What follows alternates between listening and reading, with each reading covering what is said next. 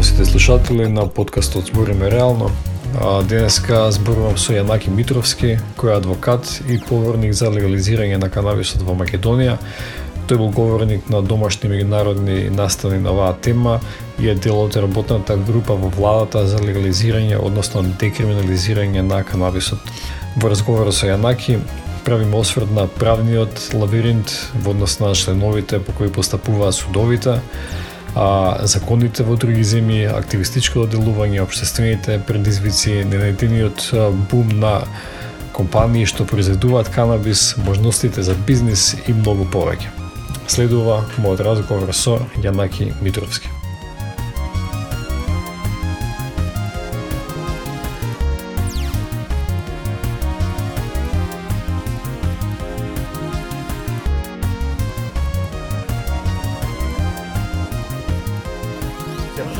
Да. Се паме. А, добро, значи, а, Јанаки, си а, поборник за Мога да легализирање... може. Да, си, си поборник за легализирање на, на марихуаната. А ме интересува од кај, од кај ти се, ти се јави ова а, потреба на ваков начин да се ангажираш со оглед на тоа што си адвокат. По мртим потреба некоја немам. Потреба, како потреба да имам, а, конзумирам канабис од релативно ра- рана возраст, дури не би препорачал на на тие години што се луѓе, например прв пат пробав канабис на а, 14 години, на дневна основа да речеме конзуми, конзумирам со кратки прекини. Од 16-та своја година, сега имам, тука ќе паѓа? Да. Сега имам а, 30, и, а, 35 години. Ајде да речеме да може првичните мотиви биле нели како како конзумент да не сте сакале да бидете на удар на или во помладите години кога не сте сакале да бидете на удар на припадниците на МВР, нели? Но како созревате, а, а и воедно баш тоа се поклопи со периодот кога во во светот почна нели да се а, да речеме популаризира а, употребата на масло на канабис за претежно канцер, но и, а, но и други состојби, а, што е мал парадокс, бидејќи или тоа кај нас касно дојде негде да речеме од тука на прелазот од прва на втора деценија од 21 век. Иако ендоканабидниот систем е откриен 90-92 кога беше точно. А, но јас магистрирав да речеме на на теза иако ја каснав доста да речеме порано да магистрирам 2014 магистрирав на теза легализација како начин на сузбивање на трговија со наркотици, да речеме на некое научно ниво, и сам формално и тоа и е така, а, и да речеме од тогаш а, поголем по поактивниот ангажман а, започна. 2016 година се роди а, тоест имаше иницијатива од а, основачот Ангел Ангеловски, фотографот, да се оформи а, билка како здружение, но тоа што нели имаше некој а, имаше тешка политичка криза во Македонија и ем, преовлада преовлада мислењето дека а, поради политичката криза нема да може да се даде доволно внимание на, на ова прашање. Се оформивме официјално, тоа символично беше на 20 април 2017 година како, како билка. Од, да речеме од, од значи од тогаш од негде 2010-12 од 2012 година се кога сум почнал да пишам магистерската теза на некое посериозно ниво сум се занимавал со активизам за канабис. Мгм. А, дали имаш а, многу клиенти што а, имаат предизвик да се одбранат од некој обвинение или што се занимаваат со обвиненија против а, за користење канабис? За тогаш ми зборувате? Зборам за сега. Сега како адвокат. Да, сега дали имам, дали има а, дали имаш клиенти што те тоа? и тука станува еден сериозен проблем. Сум го објаснал повеќе пати меѓу нели кај вас дека прв пат густувам. За вашава публика, значи постои еден проблем што кај нас конз, обични конзументи за кои што нема никакви докази дека се дека се дека продаваат или Зошто треба да се разбере дека член 215 таргетира поголем број на дејности, значи не е само продажба, на купување со намера за продажба, транспорт нели на количина, посредување при при набавување на наркотици, сето тоа е за сето тоа е инкриминирано во член 215 и најтеж, на, најчесто се таргетираат со намера за продажба, дека сте го набавиле канабисот со намера за продажба. И сега нас се случи една празна една правна празнина во 2009 година се воведе Uh, полесен став на 215 за помале за помало количество, кое што се казува наместо 310 како што казува 215 став 1 се казува што што, што значи 310? Од 3 до 10 години затвор е санкцијата за години затвор. Да. А, а која која е најмалата количина се, што е што е казано? Да, сега. А, а, тогаш воведоа за помало количество да биде од 6 месеци до 5 години, меѓутоа проблемот настана што во законот не се изрегулира што се подразбира под помала количина. И тоа на некој начин го злоупотреби Републичкото јавно обвинителство, тогашното обвинител Шврговски, даде задолжително упасо до сите обвинители, што нормално има право да го прави бидејќи таму хиерархија, дека конкретно за канабисот за помало количество ќе се смета до 5 грама, се над 5 грама канабис, дури да вие во една кеса да стварно е за вас да одите на одмор или не знам што. Ќе ви ќе ви донесе обвинение по член 215 став 1 со запретената казна од од 3 до 10 години затвор на прашањето што е најмала количина, количината не е важна за да биде исполнето делото, а битието на делото, затоа што а, продажба може да биде јас вам баш половина грам да ви mm -hmm. да ви дадам, вие мене ми го платите и тоа се продажба, така да многу е побитен актот на а, предавање на забранета субстанца за за возврат за пари, а, за да биде исполнето делото. А, например, ако ви дадам само, да не ви земам пари, во тој случај би одговарал по 216, односно овозможување на употреба на наркотични средства, односно дека јас ви овозможувам вие да... Дали, дали тоа то по, по-лесно казниво или... 216-ката да е по, по-лесно казниво, меѓутоа проблемот, за да го дообјаснам, што настанува, го дава тоа 2009 како задолжително упатство господин Чврговски и за жал нашите суд, значи обвинителот да бидеме до тука јас обвинителот има правото да го даде, меѓутоа нашите обвинители, нашите суди не се обрзани со ништо тоа да го бидејќи тоа интерно упатство кој на нив не се однесува ниту има ингеренција обвинителот да ги задолжува нив.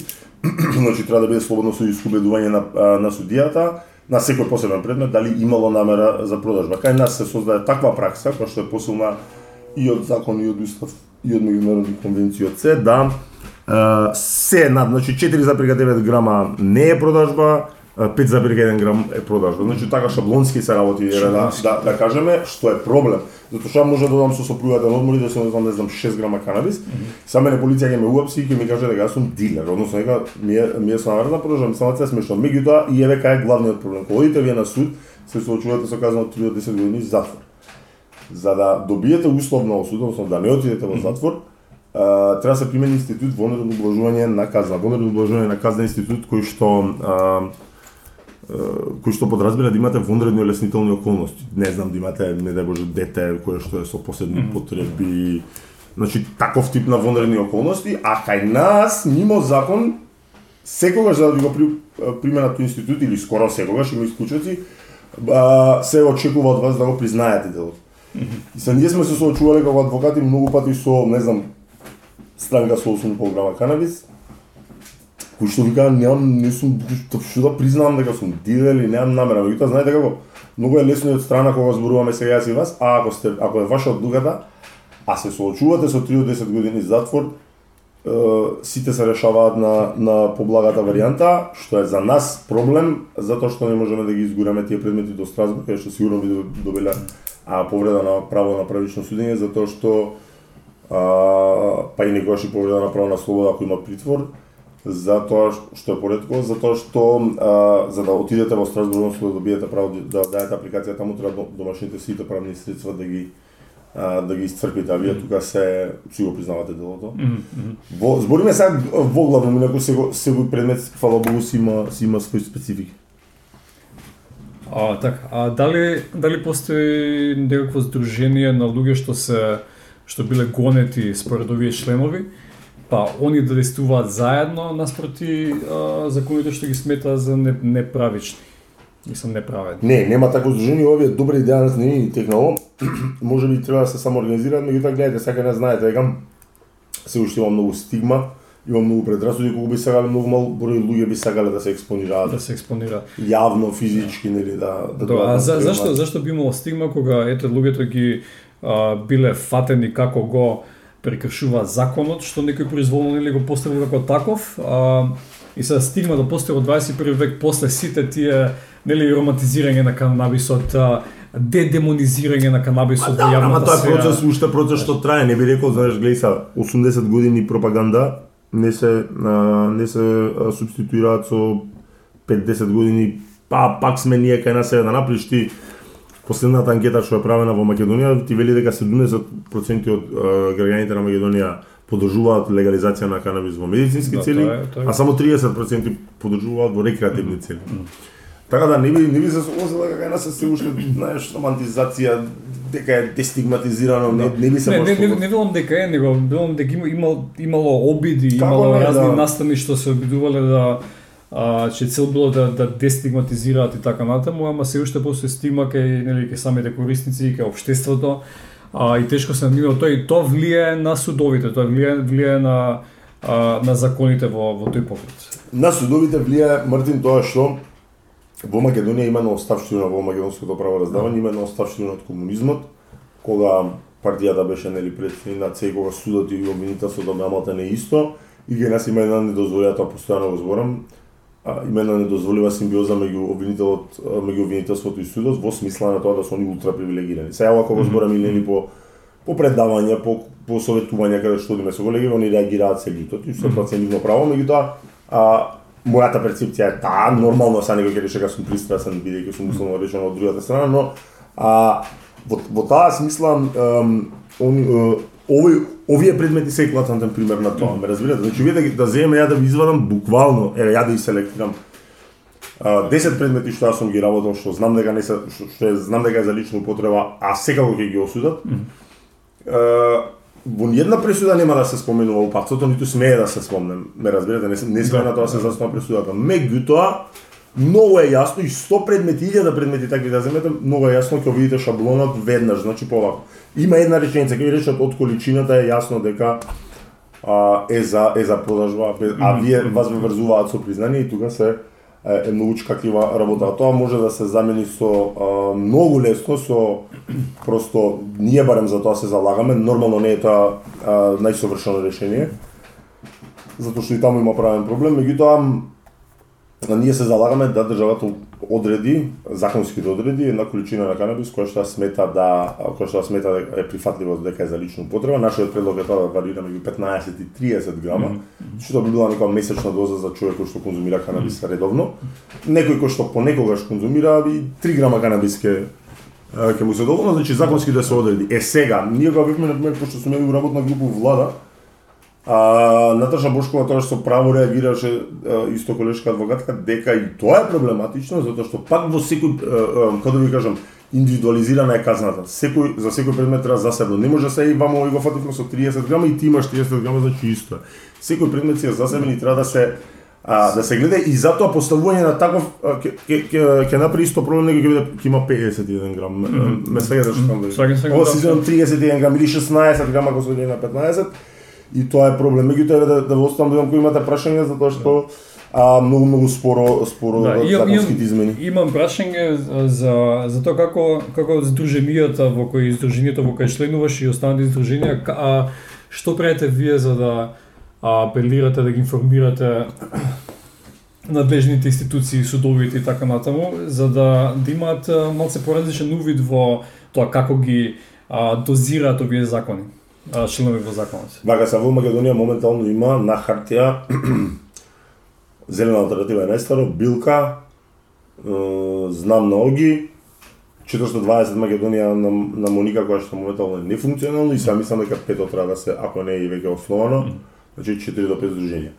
А ја можам за, за билка да, да ти кажувам, а ние како ние а, види не не се разбираме ние во да речеме хемискиот состав на канабис, што наотворено ти кажам. Ни- Еден од нас се разбира не е битно кој, меѓутоа многу слабо. Не се занимаваме, се занимаваме повеќе со правниот дел и со а, правење галама во јавност, онаму каде што а, каде што можеме. Од настани ние сме одржувале да трнеме од првото предавање на правен факултет кој што беше припуно со значи тогаш за прв пат во Македонија, тоа беше 2017 декември.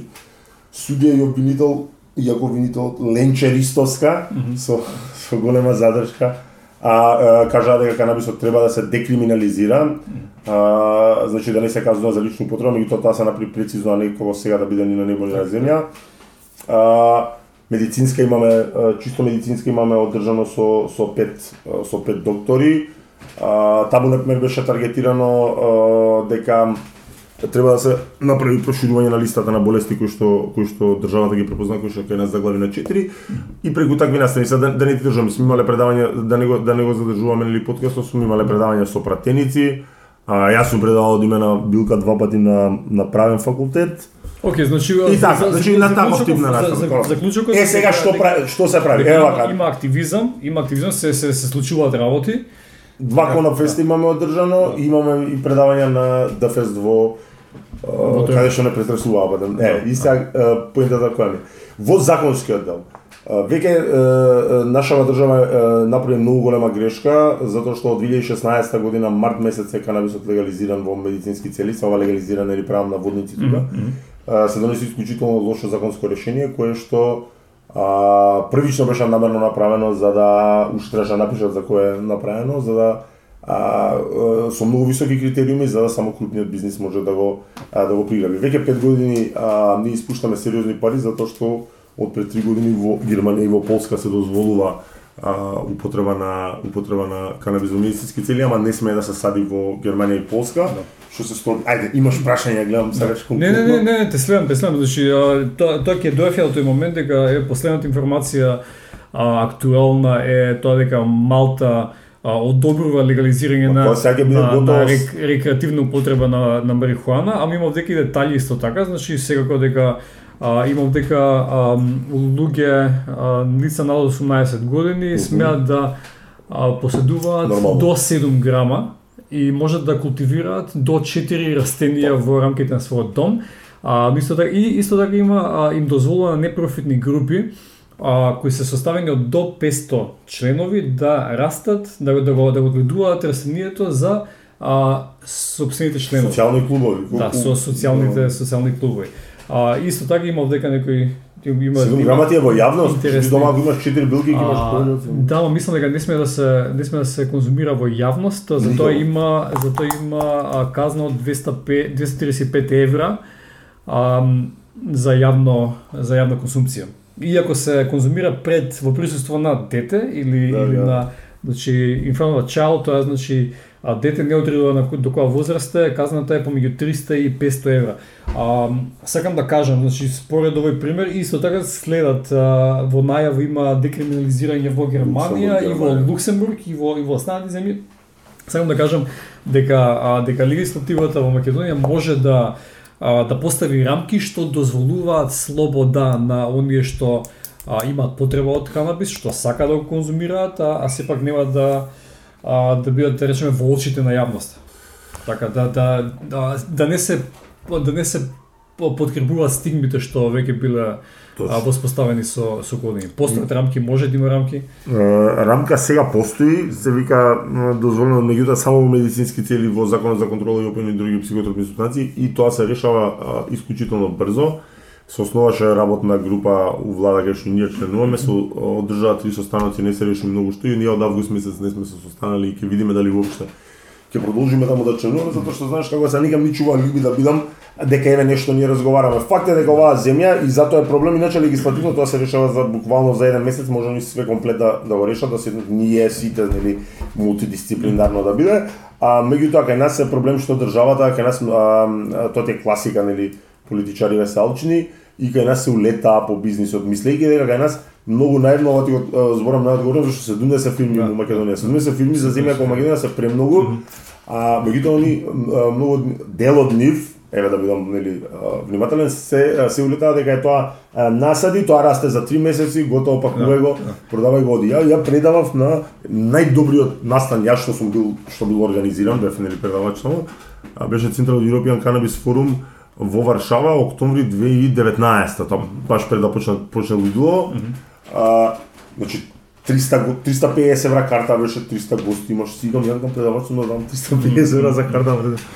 Сите беа таму согласни, значи полски, германци, израелци може, дека е бизнис кој што бара барем 5 години за да веќе почнеш да враќаш пари. Кај нас сите мислат дека другар мој овој премиер или претходниот премиер или министерот за здравство. Значи, не се и тоа е проблем. Еве, сега ќе кажам тоа е проблем зашто они се заглавени. Сигурно си читал дека бараат решение, бараат из, цветот им се извоз се цвет. И тоа е кретенско, тоа е кре- кретенскиот е, законот направен дека можеш да извезеш улје, не не можеш да цвет, извезеш да. цвет. Тоа треба одма да се смени. Меѓутоа гледај се каде е нашиот проблем.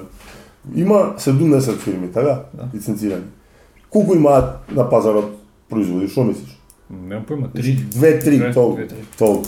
Две, три. И Да, сега е збор- нашиот проблем. Збориме за CBD oil, за масло. Збориме да, за не има и техацен. И за, и за, и за техацен, нема вред, сега има 25, 25 има а, фармаган избаци, 25 техацен, 25 тоа треба про не обровиш. Аха. И сега гледаш што е проблемот. Македонија е мала земја, нормално дека 70 фирми за нас не треба. Сите се извозно ориентирани и тоа е супер да ги направат и сите пари на свет. Ама ние ќе се доведеме до ситуација да, да канабисот е као легален на водници е, овакво. На пазарот нема препарати, ти си пак се држиш на цел пазар, цел канабис иде надвор и, и а, треба да се постави прашањето каде е нашиот аир од тоа што е канабисот легализиран, Да, кога- пак ние се ослонуваме на црн пазар. Кога велиш На на, прогон? нашиот, мислиш на луѓето што конзумираат? Да, на луѓето што конзумираат и на пациенти, да, за домицилна Така. публика. Така, така. А, се испратија погрешни сигнали до а, до луѓе што се потенцијални инвеститори во во оваа сфера. За познато ми е дека има луѓе што се доени од дека што направили инвестиција Да. и се пак тука заглавени во тој а, правен лимбо. Не повеќето не направили инвестиција, пошто тоа не се глупи луѓе. Види, вака сега ти кажам, не па, па така е, види, се прави скрининг, никој не очекува сериозна инвестиција. Највисоката инвестиција, тоа не е тајна, дека кажам, на фармаган е 32 милиони, ама сад добро, другиве се помали. Меѓутоа пак мал мал а, производствен погон да имаш, ти треба најмалку пола милион евра. Тоа зборувам без кај нас и од 17 фирми само две имаат лабораторија. Никој друг нема за екстрахирање лабораторија. А меѓутоа проблемот е што нив име им се ветува цело време 4 години дека ќе се ќе се смени тоа, не се менува и се он меѓутоа ние ги знаеле условите. Еден ш- и многу многу политика меша, нормално нема да менува никој, меѓутоа се меша меша прсти затоа што јас имав состанок со швајцарски инвеститор кој беше запрепастен како него му барал 3 милиони евра за хангар кој што има лиценца, а нема опрема унатре, само е поделен на соби. И ми вика како е тоа можно, му викам. Да, како е тоа можно? Може, да. да. да. А, имавте јавна расправа, а, односно не имавте, туку имаше јавна расправа, а, каде што се случил некаков инцидент, не Е, не, ние останавме, имавме Да. ние останавме. Да, значи, а, што, дали можеш малце тоа да го ставиш во контекст за што беше јавната расправа а, и, и што што се случи таму? Да, вака се ние тоа јавна расправа многу смешно на поканите што биле пуштани до Сдруженијево на производители Маканабис, кој што брои 5-6 членови, а што ги бараат 90% работи исти што ние ги бараме. А биле пуштени покани од Министерство за здравство за јавна расправа на за законот за контрола на опојни и други психотропни субстанции. Значи, ни ние како активисти, ние како член на работна група, некој ми информирал, а таму и попи вода и оги се од, одзнам, ни некој ни информирал дека ќе има јавна расправа, меѓутоа мислам дека Достовски Филип од Зелената татива го контактираше Џон, Џон не, од кај нас, од Билка, Џон не можеше да отиде, јас отидов и беа брегата Масларковски, таму и Филип, нормално.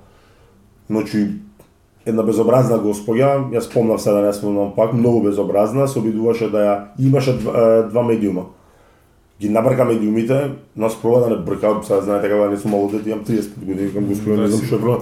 Не била јавна расправата, било состанок, и ние не сакавме да се отидеме, не, производители, пошто беа повеќето и дојдени од едно време и сакам да ви кажам, чисто ми беше жал за нив да не ги малтретираме затоа што беа и од добар дел и од други градови дојдени.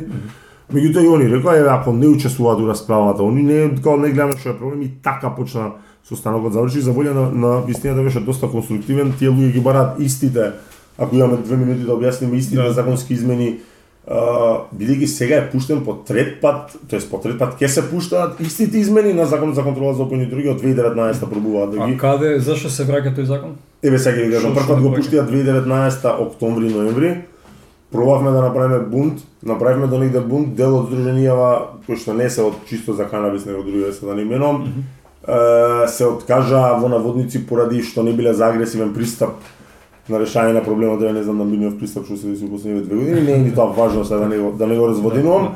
А, ама, ама многу, многу суптилно го пуштија во уочи на, а, например, среда се распушта собранието, у понеделник треба да се Така, гласа, значи така, таков некој таков некој шверц пробува, тоа се блокираше, окей го повлекла. Вториот пат го пуштија, мене ме информираше пратеникот од собранието со кој што соработуваме, ме информираше дека е пуштен дека треба да има комисија и ние справавме амандмани. Тоа што имавме, мислам и ќе кажам, не не ето тајна со овај Моника од од ЛДП справавме амандмани, меѓутоа пак го повлекаа кога дојде до до комисија и сега ќе кога ќе опуштаат трет пат, луѓето ги имаат следниве забелешки. Моменталниот предлог на закон бара 300.000 евра банкарска гаранција за да добиете лиценца. Беше првичниот предлог милион, па го реагиравме, па пола милион, па пак реагиравме, па 300.000. Ние сметаме дека и производителите исто така сметаат дека тоа треба да се избрише, ако викам рекет, овој рекет одредба, затоа што на ај тој го збореше на производител пола милион евра до милион евра вие сте вложиле, се знае како се вложуваат толкави пари, освен ако не сте криминалици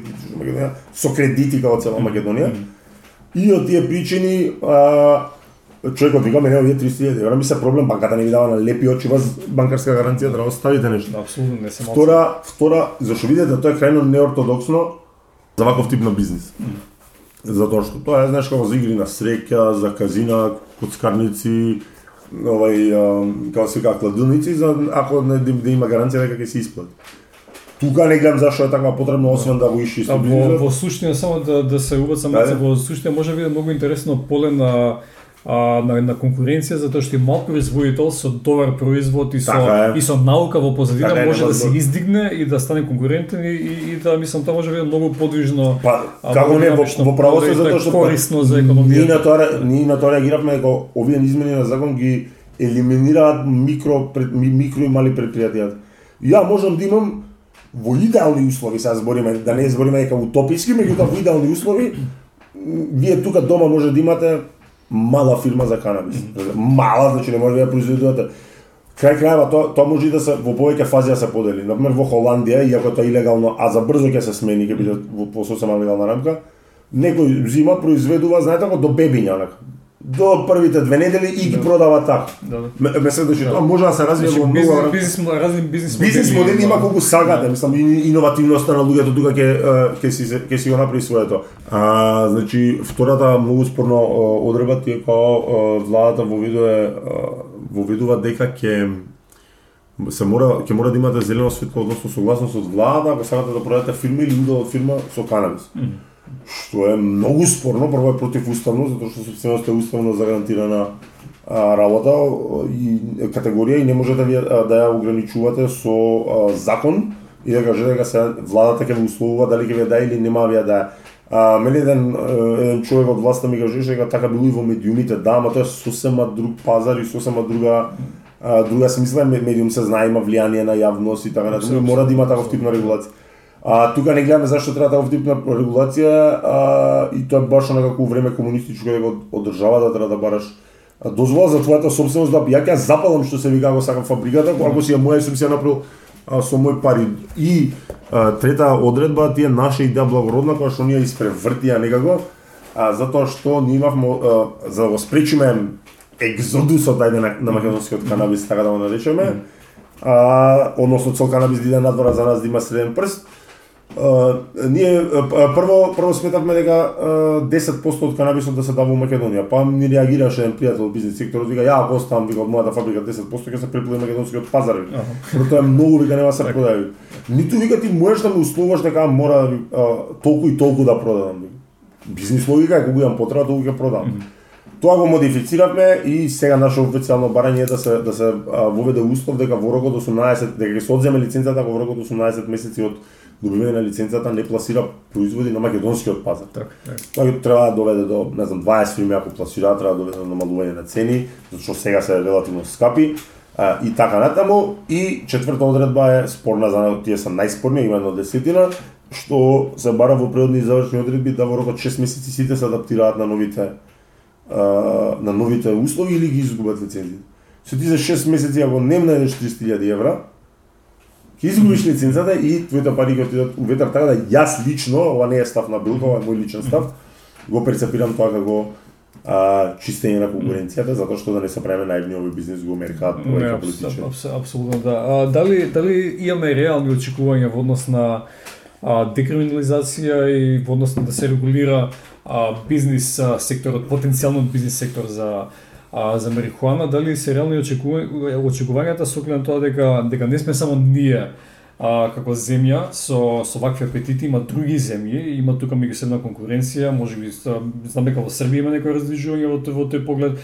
Албанија традиционално е извозник, извезувач Да, на да.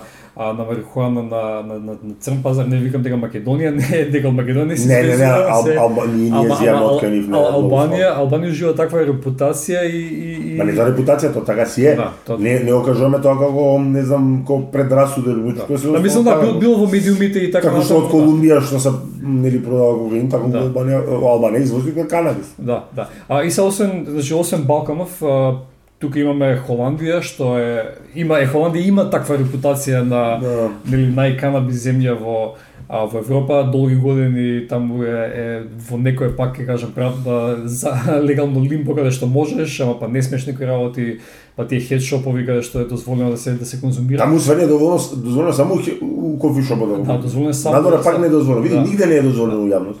Особено до По школи, Португалија до... мислам дека во, во Може би, еве, да, ретко. Португалија. Меѓутоа, претежно не дозволуваат на, или барем има сериозни ограничувања. Да, ама види, види, значи има една социјална конвенција, да речеме, не пише на социјална конвенција, каде што, на пример, во, во Германија, а тоа се толерира, во Чешка се толерира, Така, да, да. бев во Прага и гледам Ја во Прага, си, си, си, си дуваат џоинт џоинт на улица и, и, и секому добро, знаеш.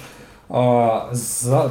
Казниво, казниво е, да кажам, види, се предпоставува и кај нас дека не мора да се иде на екстремниве законски, екстремни, ова глупи да го кажеш, но вие крајниве ние што ги Ама во бараме. нашиот контекст. Меѓутоа да, меѓутоа во нашиот контекст екстремни, меѓутоа да се почне од некаде и потоа се смета дека самата полиција како што е во овие други земји, не треба да забориш дека и Чешка е посткомунистичка земја, значи не дека и кај нив ќе дојде до одреден степен на толеранција. Инаку 110 евра, мислам тогаш ми кажува, пошто се едни македонци се здруживме 2016 не бевме у Прага со сопругата, 110 евра беше ем, казна ако, ако на, на јавно место. Меѓутоа помине еден полицаец до нас со колата, ние си бевме седнати, значи на колко ништо не ни рече. Да, не се да ја вознемирува, Да, да, бил да. културен човек. А зошто кај нас да не се регулира тоа? Еве ако некој ептен се сака да се перчи и, и некаде на јавен простор да да конзумира што се прави патем, мислам тоа се прави, некои луѓе си даваат дозвола, мислам си си се опуштат, некои луѓе не, се Нема потреба натаму. таков тип на екзибиции. А, да, да, да, само да кажам зошто а, зошто не се санкционира тоа со со парична казна, да нема мркнење по судови, да нема а, пак зборам, некој Ако ако некој- конзумирате сам и сега ако конзумирате сам канабис во во парк да речеме ве фати полиција, сега ќе биде а, прекршено ќе биде од 200 до 700 евра казна. Меѓутоа во ако а, меѓутоа биејќи ретко тоа се случува во личност двајца, тројца, не знам, петолица, тогаш веќе чифе джоинтот треба да одговара кривично за и овозможување и тука е проблемот. Или е някој претреса за ви не даде дополнително. Тоа, а кажи, а кажи ми што што ако еве ние сме се тројца и еве еден застане на 15 чекори а, по настрана, конзумира а, Тој тип и- на тој тип на граѓански Свегаш. на граѓански финти да ги наречам за одбрана, може у, у Америка да поминат кај нас. да. кај нашите улични овакво спроведувачи на законот не. А, значи видите вака се во Америка на пример знаете дека се Сега не само канабис, меѓутоа да, да не глорифицираме, да не сме дека глорифицираме, меѓутоа на пример идете у скейт парк, он, он го фрла наркотикот на земја, а вие ги фрлате парите на земја. И се после си го најдов. Мислам, такви луди комбинации Да, само да. во Америка може да поминат. Зашто кај нас би биле осуден за 5 минути, уште построго ќе бидете осуден зашто ќе смета судот дека а, си смејувате со него. Да, да. А, види, зашто да не прашањето, зашто да не, зашто да да, ние ние сметаме дека вчера требаше да се случи декриминализација, а утре треба да се случи а, легализација на канабис. А, факт е дека политиката а, од 2, 3, 5 страни од која сакате партија намириса кеш, а не знаат да го направат. Тоа е тоа е, тоа е најголемата трагедија. Тоа е го Никола Тесла го викал дека не ми е криво што ми ги крадат идеите, криво ми е што свој немаат. Значи не е проблем што го крадува бизнисот, проблемот што не знаат да го работат. Затоа што утре да се да се направи законската измена и да се доведе а, да се да се дозволи извоз на цветот канабис, тој канабис хоргош нема во поминато со српско-унгарската граница, затоа што нема европско GMP. Канабис у Македонија само една само една или две фирми имаат европско GMP од од 70.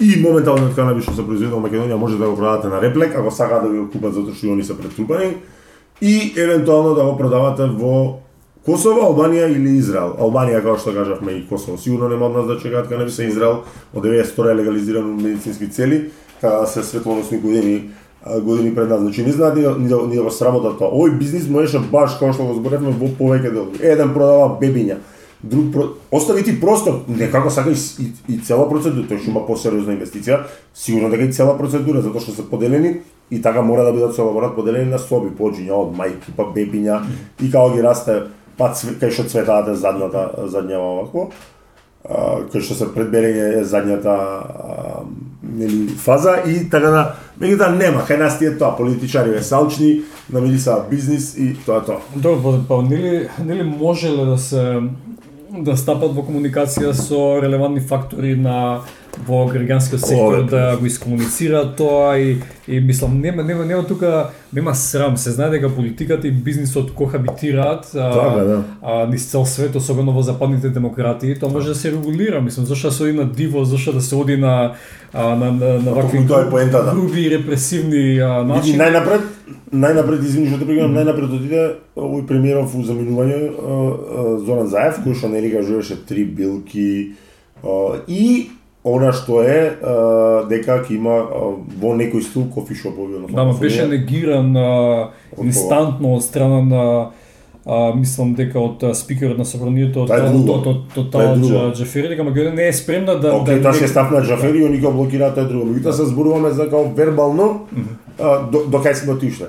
Кофи, за кофи шопови ние се залагаме, но јас лично се сомневам дека истото ќе се случи како со бизнисот со канабис, дека тие кофи шопови ќе бидат едноставно резервирани за одредена категорија на луѓе, а, но и друг проблем има, затоа што видите, премиерот вика Ама ќе има услови кај што сите ќе може да се јават. Да, и сега има услови за сите канабис да може фирма да има. може да се јават, ама дали може Да, ама не, канабис фирма и сега сите може да основат, ја и вие може да основаме, ама немаме милион евра. Ме разбирате? Да, тоа милион евра се знае колку луѓе у Македонија. Пра- Прагот е тој. Имаат правото од прилика тој, а во основа има и друг проблем, затоа што а, се, а, знаете како се очекува, малце се прави фама дека се очекува легализација на канабис да ги реши сите економски проблеми на Македонија, што е малце идиотски, а, затоа што А од друга страна, ако ние го направиме канабисот толку скап, да, да се плаќа, имаше некои судови идеи тоа од здруженија, 55 до 70% ДДВ, чекај, чекај, зашто би плаќал ДДВ?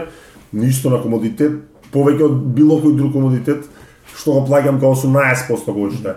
Акциза да се ставува се. И тоа ќе доведе до, ако ја треба да, ако треба да плаќате за една цигара канабис, популарно наречен джоинт, 1000 денари у кофишоп, црниот пазар не само што ќе обстане, туку Да, апсолутно. и ќе се зголеми. ќе просперира. Така, Што повеќе. ви- А, Па и го- они ги дигна цените, ме, знаеш. Мгм. А, имаше неодам на министерот за внатрешни работи а, имаше како еден инфографик со а, Да, да. ус, постигнатиот успех во изминативе не знам колку време. Има, и, имаше све канабис. Све канабис. И коментарите ни хевину грамови са 5 кила што ги фатија за мен. Да, и, и, и um, коментарите што што бе мислам луѓе најотворено со А, со личен профил, не по псевдоними така му коментираат вика а, покрај таков процут на кокаинот и на други други во. Македонија вие се фокусирате на а да и баш имаше имаше зборот епидемија на Епидемија на кој- а, на, на кокаин, вие се занимавате со а, со марихуана, нели и се тоа ме води до, до не, неизбежно едно едно прашање, нели има а, тука една меѓусебно а, некажано намигнување, согласување помеѓу а, помеѓу фактори што Тоа не е не кажам за Што? кажано, то то види ни еден бизнис на на на тој цен бизнис збориме на тоа ниво со кила, кила, кила и кила кокаин и хероин, од кои што се запленети само грамови, отворите у некои години има и грамови, сега што ги фатија 5 кила хероин, се као многу ме сега. Е, не, не може да пројде без ами намигнување, подкуп, као сакате да наречете, значи, без актери у државата, полиција се знае, тоа, тоа не откриваме топла вода, нити кој што кажува.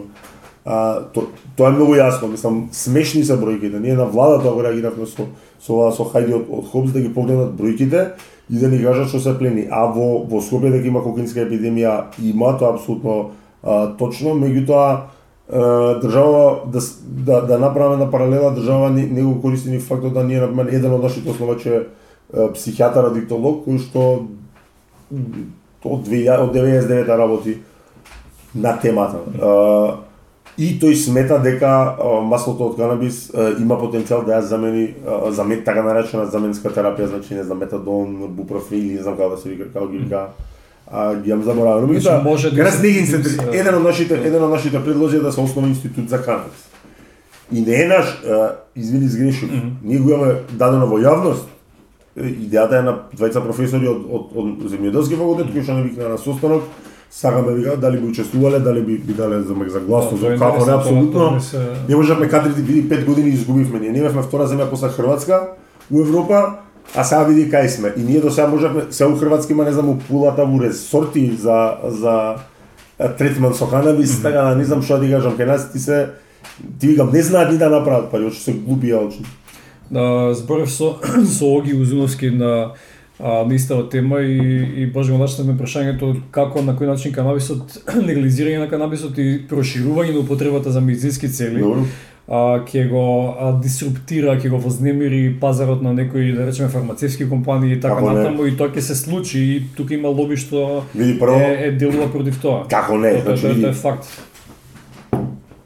не е дека сатанизираме некој, меѓутоа многу многу што кај нас веќе у светот е све па, претворено у пари за жал. Значи чим здравието здравството дојде да, да, да се гледа приоритетот в париве, значи ам, кај нас е проблем, прво законов се донесе на брзинка, 2016 преку ноќ, сигурно се сеќавате и немаше соодветни обуки за лекари, ден денеска најголем отпор а, за употреба на канабис има од за жал од, од добар дел од, од лекарите.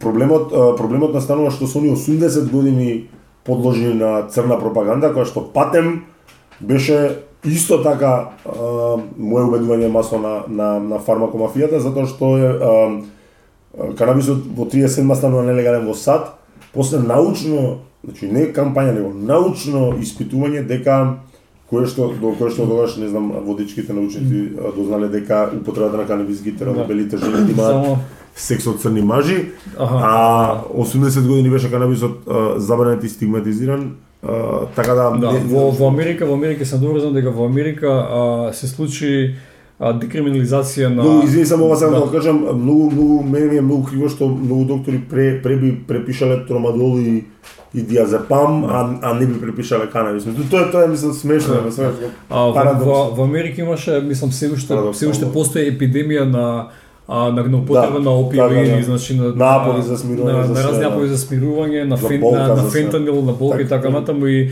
а, декриминализирањето беше обид на, на, на властите да да ги намалат негативните последици на тоа, бидејќи овие други се злоупотребува масовно, мислам, да, делови сегменти на општеството а, станува нефункционални, дисфункционални поради ова. Да, да, да. А, и сега не знам, не сум се информирал во последно време да видам а, а, каква, каква е промената после легализирање на канабисот во, во Вашингтон стейт, во Колорадо, мислам дека во на Флорида има некој вид на декриминализација во Вашингтон DC, мислам разни има разни разни, а мислам многу Да, голем број- на стейт левел. го голем број држави на стейт левел се на федерално ниво, мислам на ниво на На федерално не- на на не САД не- не не, знам. не, да бијќи нема ни да биде бијќи има разни а, пак сегменти на општеството што се од религиски причини против тоа, од социјални, општествени и така натаму. А, но еве еден значи е евидентиран пример како а, како канабисот помага на луѓе со епилепсија, на луѓе што страдат од од рак, од разни видови докажано, докажано користи на тоа. А, и сега кај мене а, се, се појавува еден а, едно едно жалење да речеме зошто а, не се не се направи една една една форца во кампањата на информирање на а, на здравствениот сектор каде што ќе се покажат овие, но и на луѓе што користат разни а, медикаменти а, во во во во насока да се да се погледне како канабисот може да делува. Види, вака сега ти кажам, кога сме збориле со многу лекари кои што опонираат, они нив им е па нема истражувања. Прво не е точно има 20 како може да нема истражувања. има. Има 20.000 истражувања, види канабисот, види кај нас е сега популарно на наводници последните Да. 10 години у, у Калифорнија 96-та, ако не се лажам, они они се прва земја што го легализираш у 95 или 6 на гласање на референдум. Си собираат гласови кај нас тоа никад нема да се деси, меѓутоа поентава е следна. Еве ја ги ти кажам две кои што прво ми доаѓаат на памет истражувања. Мануел Гузман, ако не се лажеме, е научникот од, од Шпанија кој што а, докажува дека канабисот а, го става во ремисија а, туморот на мозокот кај ставаш. Разбираш? Кај, кај сте виделе тоа во јавност да се зборува, кај не се да се пропагира.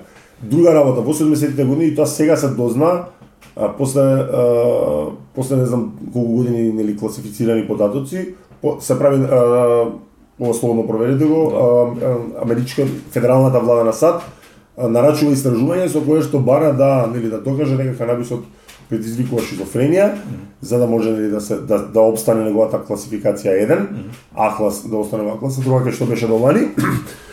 И сосема спротивно а, го покажуваат а, ги покажуваат резултати дека помага а, при при рак и тие се затвара проектот и се означуваат како класифицирани. И дури сега се дознава по и сега знаете како Зашто некој тоа би го правил? Веројатно има и микс на религиозни побуди, вакви и меѓутоа да не се зафркава. Да, да, има има и страф од Теш интересот е. и, и страф од непознатото, страф од непознатото. И тоа сега го треба се земе преди- фактор, меѓутоа, kad сето, Теш факторот е знае, најглавен. зна, знае да делува а, психотропно а, кај кај некој луѓе, значи може да доведе во некои состојби каде што Продажба на апови е сериозен бизнис. Апсолутно, да. Продажба на апови е Да. многу многу сериозен бизнис, значи зборуваме за многу сериозни пари, многу повеќе од било кој ние кај нас, знаеш што, Скопје а, као, као главен град на, на Македонија е, е место каде што не доаѓа до повидок каков проблем ние имаме со такви апчиња за смирување, затоа што голем број луѓе не излегуваат од дома.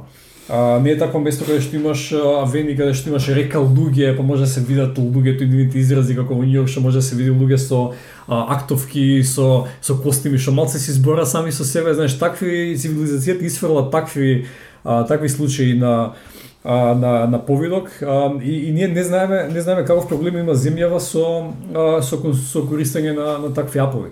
Не знаеме, нема истражување, не знаеме како делува тоа. Мислам знаат знаат оние што се што се во во близина на такви луѓе самите доктори, значи луѓе се онеспособени онеспособени од животот. И тоа го а, тие апчиња го зголемуваат нивото на на зависност од истите апчиња. Така. Што што е тука еден, еден, еден, еден циклус на консумција што а, постои. Тој супер го одговара на конзумеризмот. Меѓутоа, гледајте се, ја ги ја ги кажам, истина имам сега нема да минам, имам на пријателка, познаничка, колешка ми беше која што и се разви таков проблем. Значи имаше бли, родителот и почина, многу тешко беа блиски, многу тешко се носеше со тоа и се навлече да го наречам, а не да го наречам така, на а, на анти на антидепресанти кои што се адиктивни, кои што сега нега ве убедува, А така да и е, тоа е проблемот што значи буквално земете конзумирајте не знам такви апови некое време и дека сигурно ќе имате нели онакви абстиненцијални кризи. А меѓутоа гледај се не треба ни да се ни да се промовира дека канабисната панацеа, мене па тоа ме нервира, дека готово, чаробно. а, Да, не се согласувам Значи со тоа. се, има, се има знае, се знае каде може да да помогне. Може да помогне при канцер, се тоа излечи многу види мојата мајка почина од канцер и ќе ти кажам тоа излечи вака многу сериозно да се каже затоа што што значи излечи кај рак. Да, може може да превенира развој на Канцер на канцерогени клетки. Еве ајде било ако, ако, е, ако е тоа, Да. тоа мора не само да кажам, значи од превенирање ставање во ремисија па се до помагање со сајд ефекти, се е плюс зашто не би го конзумирал. Да. Мојата мајка беше стар, значи, како да ти кажам, ја викам комуњара, значи, од тие генерации на луѓе што канабисот е дрога и нема што да ми објаснуваш, не сакаш, не за Јулија да го диагностицира, она не сакаш да го прима, тек во октомври почна да го прима. И тоа по совет на лекар, сам го прашал онкологот, онкологот и рекол, све примај, минус, не- дали ќе ти помогне, не знам, Да. слободно зимај го. Мајка ми го зимаше само 20 дена после пекеница, тоа е а, нели а, друга друга прича. Така да таму, значи за се знае за ХИВ, епилепсија има најдобри резултати, а, епилепсија, Алцхаймер, реума, значи ние имавме предавање на поранешен директор на клиника за за реуматологија кој што промовира употреба на канабис при болки. На нашето предавање он презентираше истански нели истражувања пошто ги нема кои што даваат одлични резултати. Вика, а ја не можам легално на моите пациенти да им препишам канабис, или пошто реуматологијата кај нас не е опфатена то е, е таа тој правилник што го донесува на самиот старт со четири области ти е најдобрата слика и прилика кога кога не се грижи државава за за нас. А, само да да не остане да кажано, сакам да да споделам едно едно искуство на на мој близок човек, а, чи татко, постар татко а, почна страда од некроза.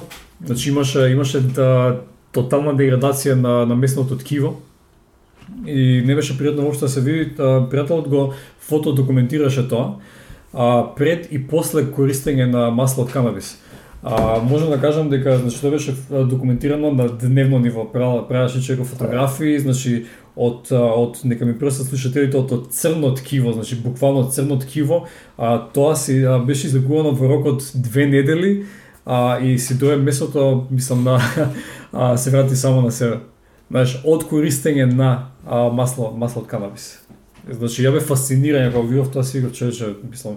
А, не дека не сум фасциниран и од а, и од а, сите други резултати што може да се постигне со канабис, ова беше како лики и прилика го видов. Да, така, да. видов и ме, ме забезекна, мислам, тоа е. Да. А, и, и тоа и ви се Јанаки за за за крај на за крај на муабетов а, а, првично сакав да разговараме а, за да доеме до еден заклучок да си поставиме очекувањата на на некоја реална основа што можеме да очекуваме во однос на а, број еден а, а, не декрим, декриминализирање, тоа знам дека далечен, далечен Не е далечен, тоа е поблиску. Ама мислиш дека е поблиску? Декриминализација легализација се го Да. Да, декриминализација, види декриминализација значи дека а, повторно е забрането, меѓутоа државата наоѓа некој модалитет. Да, да, што- смешав сега да кажам криминализација, декриминализација, Да, него да. мислев на легализација, на да. Да.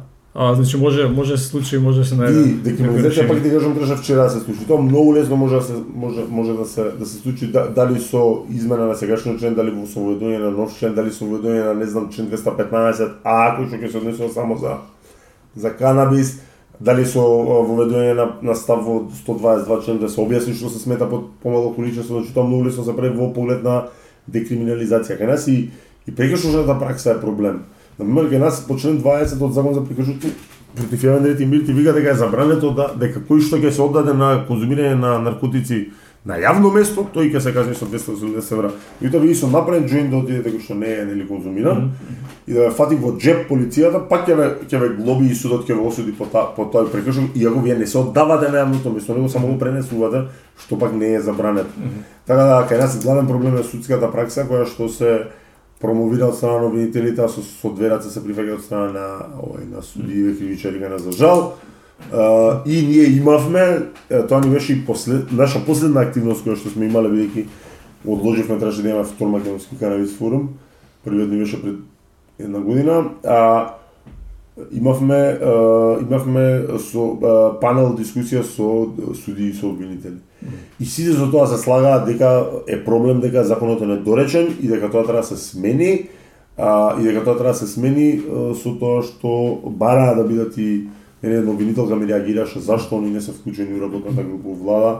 Е тоа го пренесов, тоа у влада таму ти е бирократија, ќе се оптоварала, не знам, групата. А, дали може дали може да има некој ефект а, доколку 10 или подписи се соберат и се а, поднесе прилог закон во собрание? Види Мартин, Ако се соберат некој да Така е, види Мартин, дали може да има? 12.000 и кусур собра овие достоинство пред 10 и поише години. Значи луѓе што крвареле, што ова се што умирале. Значи од сега, од 90-та година до сега има едно 20 до 30 иницијативи со 10.000 подписи, знаеш ли колку станале закон? Не. Ни една. Ниту една. Та, Значи тоа побрза постапка може да се да се избуди, да, да се да се потисне. Нема да се- гласами, тоа е тоа. Да. Да, така. Види, ќе тука и политика малце и, и математики се прават, ова ќе ни донесе поени, Да, ова нема се- ни се- донесе поени, на кај условно речено албанскиот блок, тоа многу тешко ќе се изгура. По конзервативна демеса заедница, не знам, религиски, ем, истура брашно пред влада од не знам од алијанса од која. Да, бе, смешни да, работи. а, во тето во Гостивар има Така, на така, така. клубови и така. Ама не, таа пред- јавна тајна. Види, па нема врска и сите овие- заедница. функционериве, сам не зборам за заедница, си е супер функционериве, ними сите кој пие алкохол, кој се прави газ. Сам како да ти кажам, тоа тоа тоа е таа хипокризија. Да се губиме некој луѓе вака колективно, а а, а, може да не биде така и си да имаме некој бенефит од тоа. Мислам да напреднеме како општество и како земја. За, за тоа се залагам. Мислам дека тоа може да доведе а, декриминализирање и легализирање на, на канабисот. А нешто за крај? Дали имаш некоја желба? Мислам, стално ги прашувам гостите дали има некоја желба за крај. Мислам дека Види, дека- едно нешто ќе ти кажам, не се занимавам со активистам, Мгм за пари се занимавам од љубов, никаков бенефит не сум имал од ова, напротив сме ја само финансирале организација, пошто на таков принцип ја водиме. Сме давале пари од джеб, а не се занимавам со ка, бизнис од канабис, немам фирми со канабис, не застапувам фирми со канабис, имам застапувано. А така да немам личен бенефит од ова. Ја би сакал за две години од сега, што многу тешко ќе оди, Да, имаме нормална држава каде што едно 10.000 луѓе ќе се вработат со плати кои што денеска се надпросечната, тоа тоа исто така треба да се потенцира, значи платите се сосема солидни. А, а не работите се некоја тешка физичка работа, значи зависи кој но платите се се надпросечни во државата и каде што ќе можете да си конзумирате канабис без, без да сметате дека а некој ќе ве тапка по рамо и ќе ве прогонува. Е сега, а, значи оно што ние сосема за она што ние го бараме многу многу нормално и, и го има во некои земји од Европа, па и во светот. Значи секој што има а, медицинска потреба препознаена од државата, по домаќинство да има до 10 билки затоа што се односите 10 еден ако имате килограмски добиете 100 да мили, мили, милиграма а, овој масло и за рекреативни корисници до 3 билки, 15 до 30 грама да, да се смета дека лична употреба ако ве фатат во јавност, не боже.